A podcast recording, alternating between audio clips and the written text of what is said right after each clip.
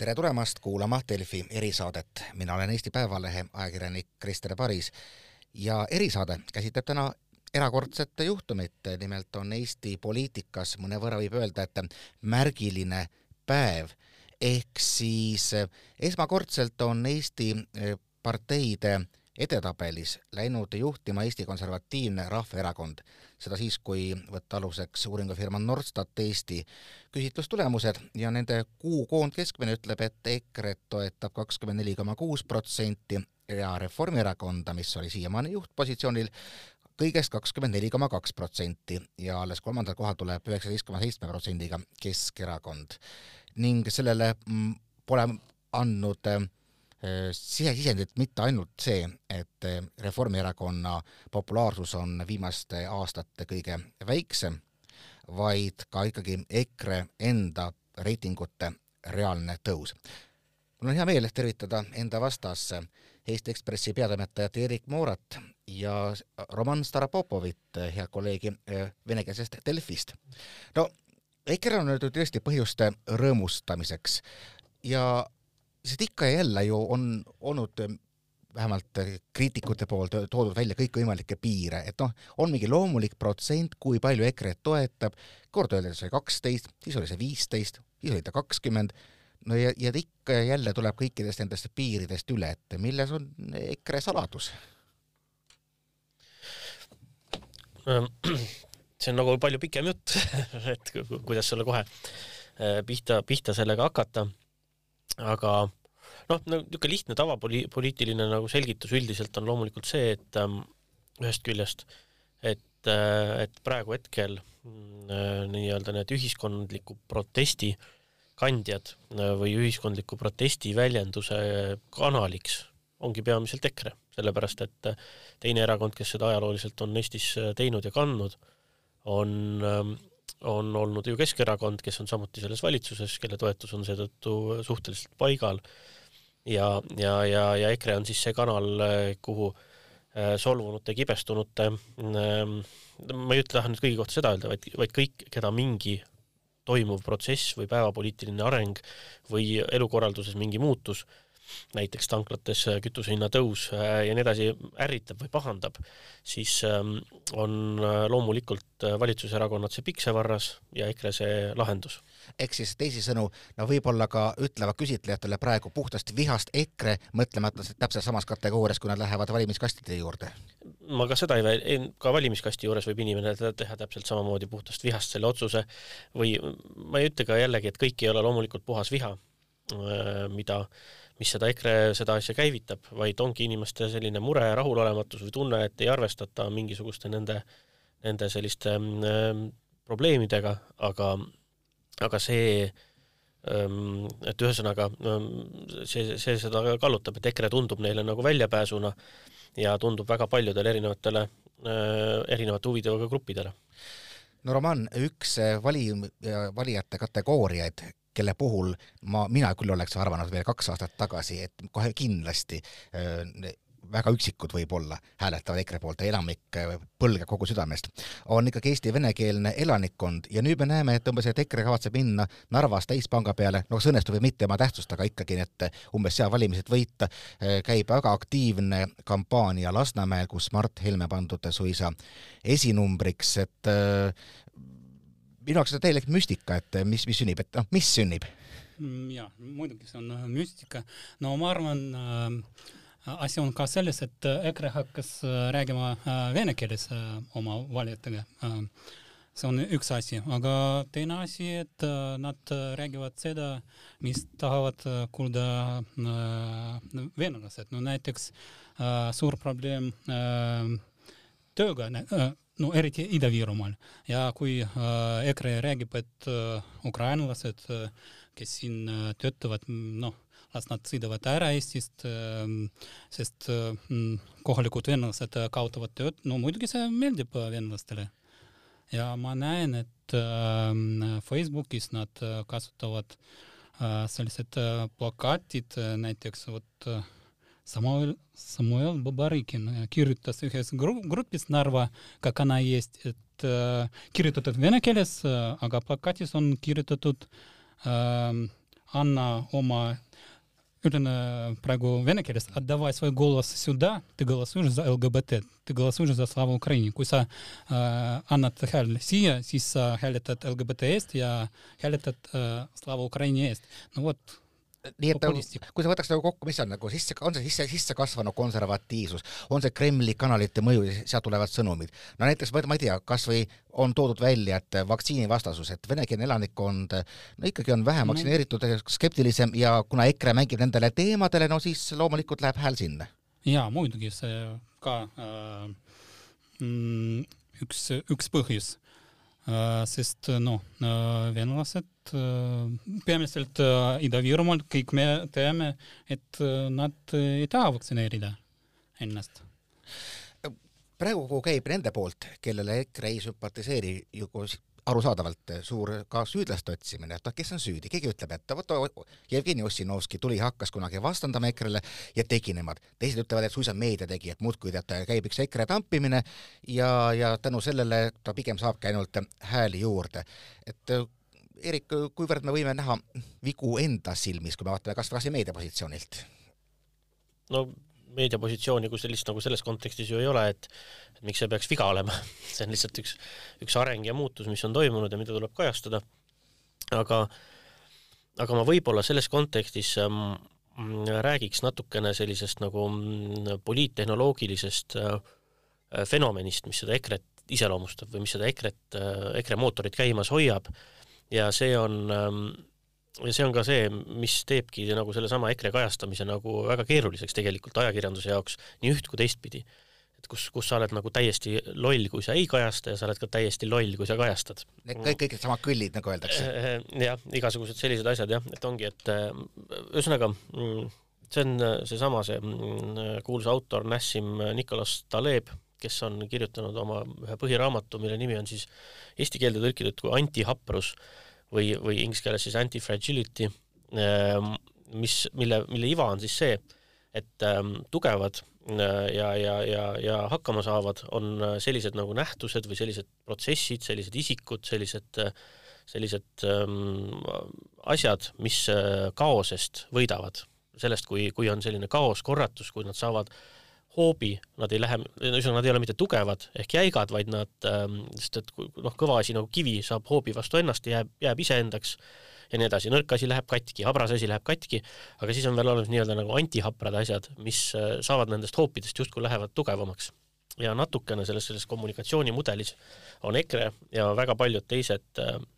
poliitikud, kellelt EKRE on ennast nagu maha kirjutanud põhimõtteliselt äh, ka mujal maailmas äh,, ennast just sellise nagu äh, sellise müüri su suutnud luua, et äh, kui nad ähm, mingisuguse oma asja eest äh, saavad peksa või kui neid sõimatakse või kui, kui juhitaksegi lihtsalt sellele tähelepanu, et nad näiteks sõna otseses mõttes valetavad või nad räägivad täna täiesti teist juttu, kui nad rääkisid eile,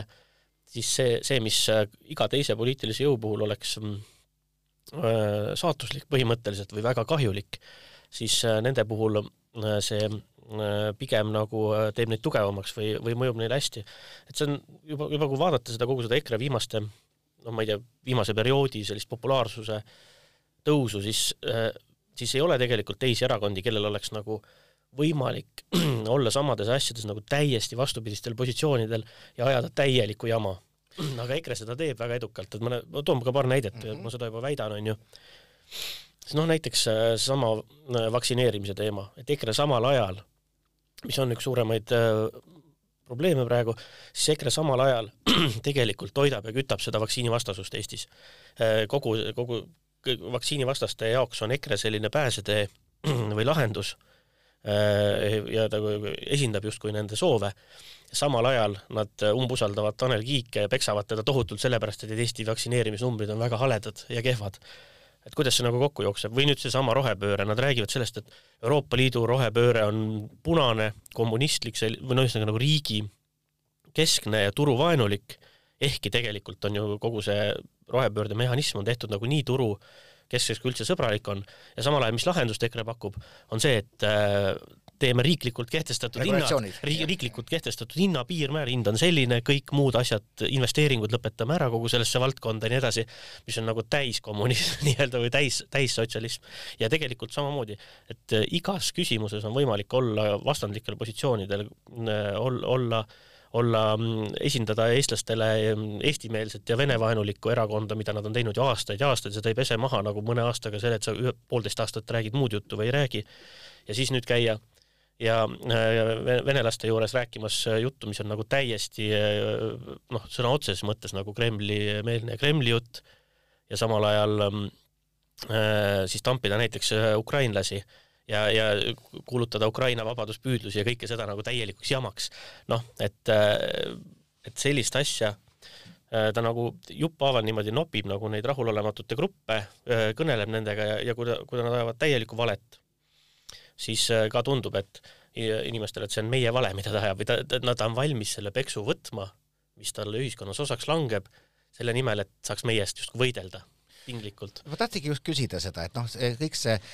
Anti Happrus on noh, politoloogiliselt ja poliittehnoloogiliselt huvitav teooria, aga teooria kõik tugineb ikkagi inimestele. no ma ei tea, Roman, kuidas sulle tundub, et miks inimesed selle ikkagi omaks võtavad? miks, mis, mis järgnevad inimestele, kelle puhul nad teavad, et A on neid enne sõimanud ja B räigelt valetanud, nad on nii, noh, EKRE juhid on nii palju kordi jäänud valetamisega vahele, et pole, pole mõtet lugedagi.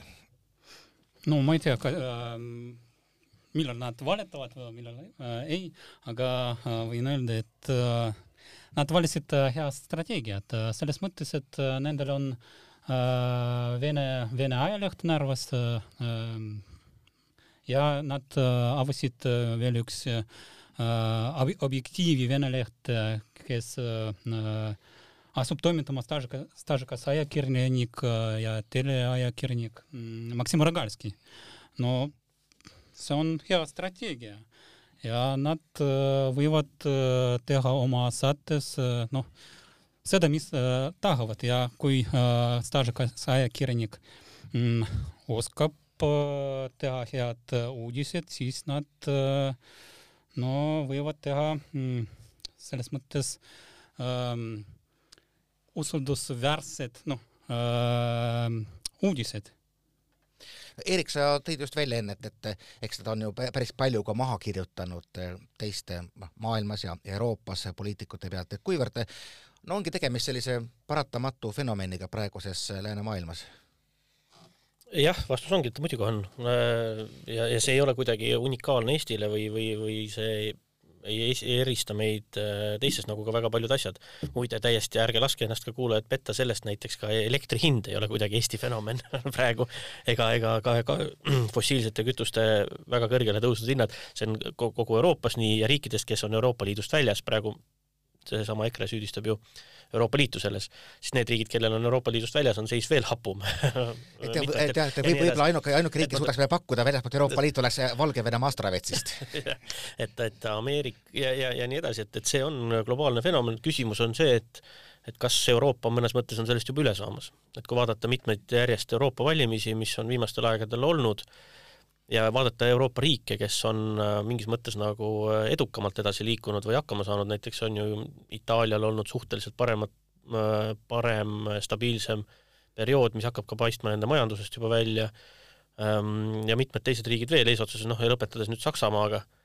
kus ähm, Saksamaal muidugi on sellisel populismil nagu või sellisel joonel alati olnud väga-väga kehv kandepind arusaadavatel põhjustel ja ajaloolistel aga, aga ka Saksamaa valimised ikkagi näitasid, et, et, et pigem see on nagu mitmetes riikides taanduv trend. küsimus on nüüd see, et kas see Euroopa joon jõuab ühel hetkel ka Eestisse või ei jõua või, või noh, kas, kas ühel hetkel inimesed väsivad sellistest nagu mõnes mõttes kunstlikult teravaks aetud vastanduse poliitikast. et ma tean näiteks, et Eesti poliitikud ise, väga paljud on sellest ikka nagu täiesti kõrini olnud just see kogu sellest, sellisest ähm, noh, sellise, ma enne mainisin sellist nagu poliitilise võitluse või meie eest võitlemise ähm, äh, sellist nagu retoorikat või sellist stiili, mis käib, käib äh, just selliste nagu pseudovaidluste üle väga sageli või selliste ebaoluliste või, või, või selliste, selliste teemade üle, kus on ähm, ka kokkuleppeid ongi raske saada, kõik need väärtuskonfliktid ja muud sellised, aga mis tegelikult inimeste elus olulised pole. ja nii edasi ja sellest on, on nii laialdaselt on nagu kõrini ja ma arvan tegelikult, et on inimestel ka natuke kõrini äh,, tavainimestel. ma natukene kardan, et see, võib-olla see murdepunkt ei ole veel nii lähedal, et ma olen toonud ka varem näitena ühe, ühe, ühe, Economisti artikli, mis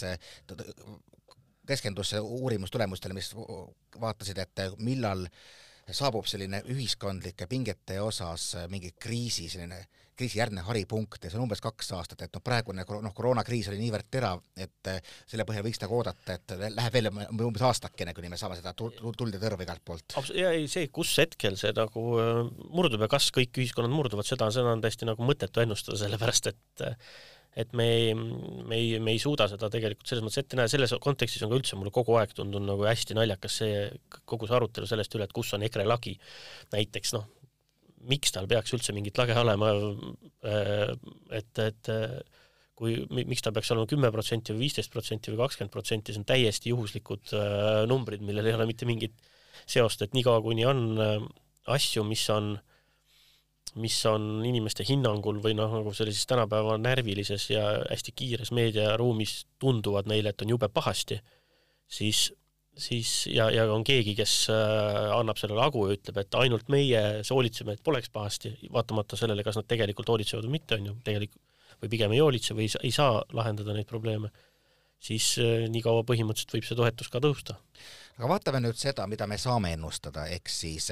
mis hakkab nüüd Eesti poliitikas sündima, ikkagi on loomulik tung olla, olla ka võitjate poolel, et kui nad, kui nad nii tugevad on, et et kas ma ei tea, kas näiteks jutud sanitaarkoridorist, mis ikka on populistide ümber olnud Euroopas, on nüüd ümber, no ma ei tea, näiteks no kas või Narvas, kas, kas Roman, sa näed, et tule, sealt oleksid teised jõud EKRE-ga, isegi juhul, kui nad võidavad eh, nominaalselt eh, üht, ühte paati? no ma ei tea, kas nad võidavad, aga ma ei usu. kui vaadata nimekirjad, no siis kõige tugevam nimekiri äh, Raigil äh,. ma vaatan praegu, palju temal on äh,. Raigil on äh, mm, nii Keskerakond seitsekümmend inimest, Jevgrafil elagu Narva kakskümmend kaheksa, Eesti kakssada viiskümmend kuus ja Raigil kaheksakümmend viis, aa, EKRE seitseteist. no, no ma ei usu, et seitseteist inimest, noh, nad võidavad valimised ja nende strateegia tegelikult, mina juba rääkisin ukrainlasest ja, ja seda, mis tahavad kuulda venelased, aga nende strateegia, kui vaadata, mida nad kirjutavad Facebookis, no see on äh, puhas populism ja äh, kui inimesed arutlevad, siis no äh, nagu venelased räägivad, see on srač. no kogu aeg konflikt, nad, nad provotseerivad inimesed. no no vot, Erik ütles, ütles, ütles, et inimesed, poliitikud on väsinud sellest, aga ikkagi, no nüüd on nad ju e-, esikohal, et nagu kauplemispositsioon on teine jah,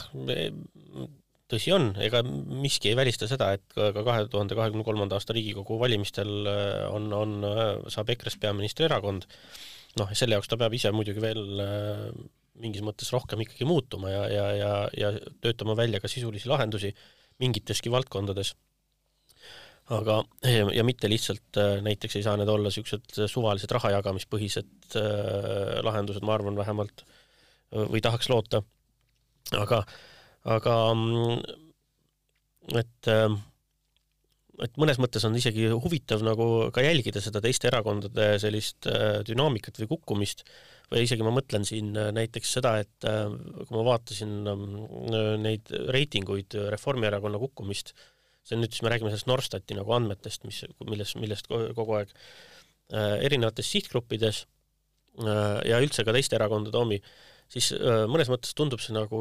ikkagi sellise üldise olukorra foonil äh, natuke kummaline, et mõnes mõttes on ju tegelikult äh, vastupidi, koalitsioonil on mingis mõttes ette näidata ka ka teatud edulugusid, et president valiti ära suhteliselt sujuvalt, mis oli niisugune mure, niisugune poliitiline vaidlus, noh, võib-olla see inimestele ikkagi nii väga korda ei läinud teemana, siis majanduskasvust on erakordselt nagu suured numbrid, palgakasv on ülikiire, et, et, et inimestel selliseid mm, eksistentsiaalseid äh, probleeme pole väga olnud. Ja, ja, ja,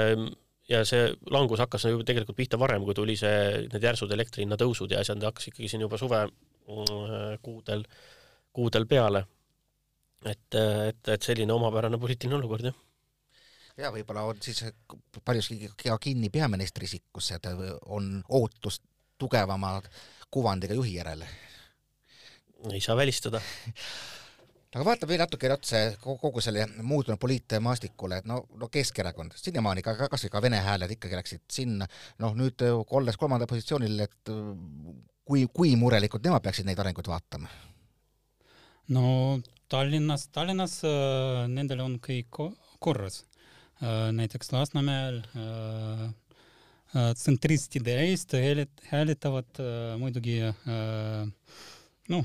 vanad inimesed, no see on arusaadav. kui rääkida Narvast, jaa, muidugi sama, samamoodi peamiselt vanad inimesed, aga nagu ma rääkisin Narva elanikuga ja vaatan, mis kirjutavad nad Facebookis, nad on juba väsinud, kakskümmend aastat nad olid Narvas, noh, sama, sama nagu Putin Venemaal, me näeme, et inimesed on väsinud nad muidugi tahavad äh, midagi muuta, aga äh, praegu äh, Keskerakond noh, ei saa, no Narvas nad midagi ei luba. Nendel on selline probleem, nad noh, ei räägi inimestega õues, näiteks telkides, kui see toimub tavaliselt. võib-olla noh, nad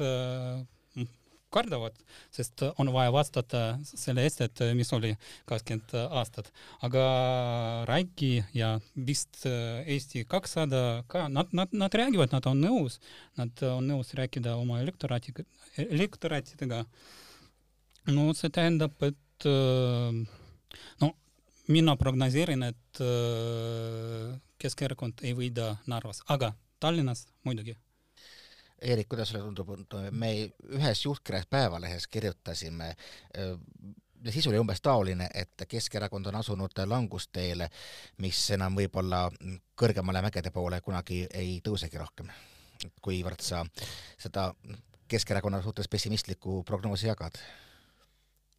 no oleneb, mida seal nagu silmas pidada, et kas küsimus on, et kas Vene hääled edaspidi lähevad äh, suuremale jagamisele, siis siis äh, no esiteks tahaks loota, selles mõttes, et see oleks äh, igas mõttes Eestile nagu kasulik, kui need, äh, need hääled natukenegi killustuks, kui seal oleks konkurentsi. Ja, ja, ja ka Tallinnas on, aga noh, see, sellegipoolest nagu Tallinn on Keskerakonna kants ja neid sealt võimult eemale saada on tõeliselt keeruline, ka mina keegi ei ole saladus, et olen välja öelnud, et minu meelest on see Eestile nagu väga oluline, et see vahetus või toimuks, aga samal ajal, kui see toimuks, siis see võiks olla küll Keskerakonnal väga tugev hoop, et kogu see partei selline masinavärk ja, ja, ja mootor, mis neil on, mis neid äh, käimas hoiab, ongi see võim Tallinnas ja see lugematu hulk tugevaid pühendunud positsioone inimestelt, kes on valmis äh, oma neljakümnetunnisest töönädalast kuuskümmend tundi pühendama, pühendama sellele, et ajada partei asja. et äh, see on, see on ühtpidi nagu Eestile ja pealinnale halb, aga Keskerakonnale on see nagu ülioluline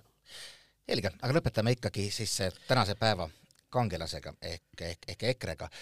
no kui tuli tali-, Taliban Afganistanis võimule, siis paljud ikka lootsid, et tuleb ikka nii-öelda inimnäoline Taliban, no natuke, kes on juba muutunud ja teistsugune. Ja nagu ka Eerik tõi välja neid näite, kuidas inimesed võib-olla on hakanud väsima, no ma ise olen kuulnud paljude inimeste suust, kes ütlevad, kes väljendavad kõiki EKRE neid konservatiivseid väärtusi,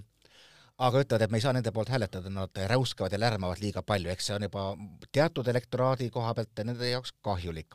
siis ma olen näinud EKRE äh, poliitikuid ja valijaid, kes kuskil maapiirkondades, kes ei ütle kogu pika vestluse jooksul kordagi sõna homo ega neeger, aga räägivad sellest, kuidas neile tundub, et EKRE on ainuke partei, kes kohaliku elu eest hoolitseb, kes teeb seal kohapeal tööd, ega siis kuidagi näha, see, see partei mingi hetk arenebki rohkem nagu sellises suunas, kes noh, ma ei tea, kunagi nagu, ma ei tea, Rahvaliidu kuvand võib-olla tuleb eh, tugev, tugevamini välja. Või ikkagi selline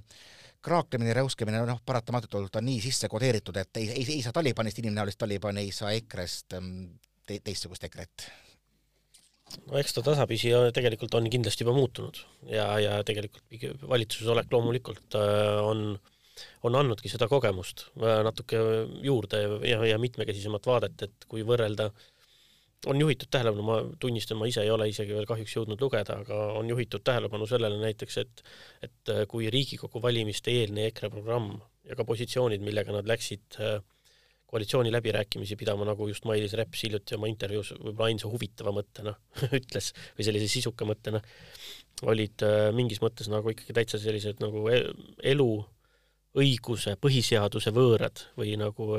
noh, kohati lausa Eesti riigi vastased mõnes mõttes, nii edasi, et siis näiteks Tallinna äh, seda kohalikku programmi on, on kiidetud ja öeldud, et et see on äh, täitsa normaalne kohaliku omavalitsuse programm ja nii edasi ja seda see valitsemiskogemus annab kindlasti juurde. aga, aga tooni mõttes äh, noh, mõtleb, tulebki vaadata või on, on tulnud vaadata kogu aeg ka tooni taha, et, et kas sa võid ka ilma ropendamata rääkida lollusi ja valetada põhimõtteliselt, et, et see on, see, see toon on olnud nagu üks väike osa sellest. Kas EKRE-st paremale mahuks veel mõni partei, no EKRE juhid ise on ju öelnud, et ei saa kuidagi aru, miks sinna nii-öelda paremliberaalsele tiivale nende mõistes või vasakliberaalse nende mõttes, nende kirjelduse järgi tekib järjest uusi parteisid, aga vot meie, meie nišši võiks ju ka keegi tulla, kui tahta nii-öelda endale kuuli jalga lasta, no põlissoomlaste valitsusse mineku järel seda juhtus ja kui no, kui EKRE-l on äh, pikemat aega valitsusvastutus, siis kindlasti on neid inimesi, kes nüüd leiavad, et ei, ta ei sobi meile ühtpidi, on ta liiga pehme või on ta lii-, midagi, mingid väärtused hüljanud, kuna kogu valitsemine on alati selline kompromisside tegemine ja iga otsusega sa kaabid endalt toetust maha. Roman, lõpetan sinuga, kui ikka tuleb järjest, ikka, no küllap ikka mõni EKRE poliitik jälle libastub, jälle ütleb midagi väga halba venelaste kohta, noh, millal venekeelsele elanikkonnale kõrini saab? no hea küsimus äh sõltub sellest, ähm, mida ta ütleb, sest noh, me juba, me, venelased juba palju on kuulnud, äh, noh, juba on väsinud ja me teame, ei, ma räägin enda eest, et äh, kui keegi midagi ütleb, noh, las räägib, see on ainuke inimene, noh, mulle ükskõik näiteks, aga ma lihtsalt äh, üks, üks asi EKRE-st, et üks tuttav äh, rääkis, miks ta tahab hääletada nende eest. Äh, kui nad olid valitsuses, ta äh, tõi näide, et ta, nad lubasid võtta raha pensioni, pensioniraha. no nagu ma tean, võib-olla ma valetan, et see programm oli mitte nende, aga Isamaa programm aga vot inimesed noh, arvavad, et nad, see EKRE tegi ja seetõttu noh, praegu elu on, läheb paremaks, aga noh. nagu, nagu kägu on saanud endale kellegi, kellegi, kellegi teise poja, poja pessa nii, igatahes huvitavad, põnevad arengud Eesti poliitikas. suur aitäh tulemast stuudiosse Eesti päev, vabandust, Eesti Ekspressi peatoimetaja Erik Moora ja Roman Starapopov, minu hea kolleeg venekeelsest Delfist. mina olen Krister Paris Eesti Päevalehest ja jälle kuulmiseni siis uutes erisaadetes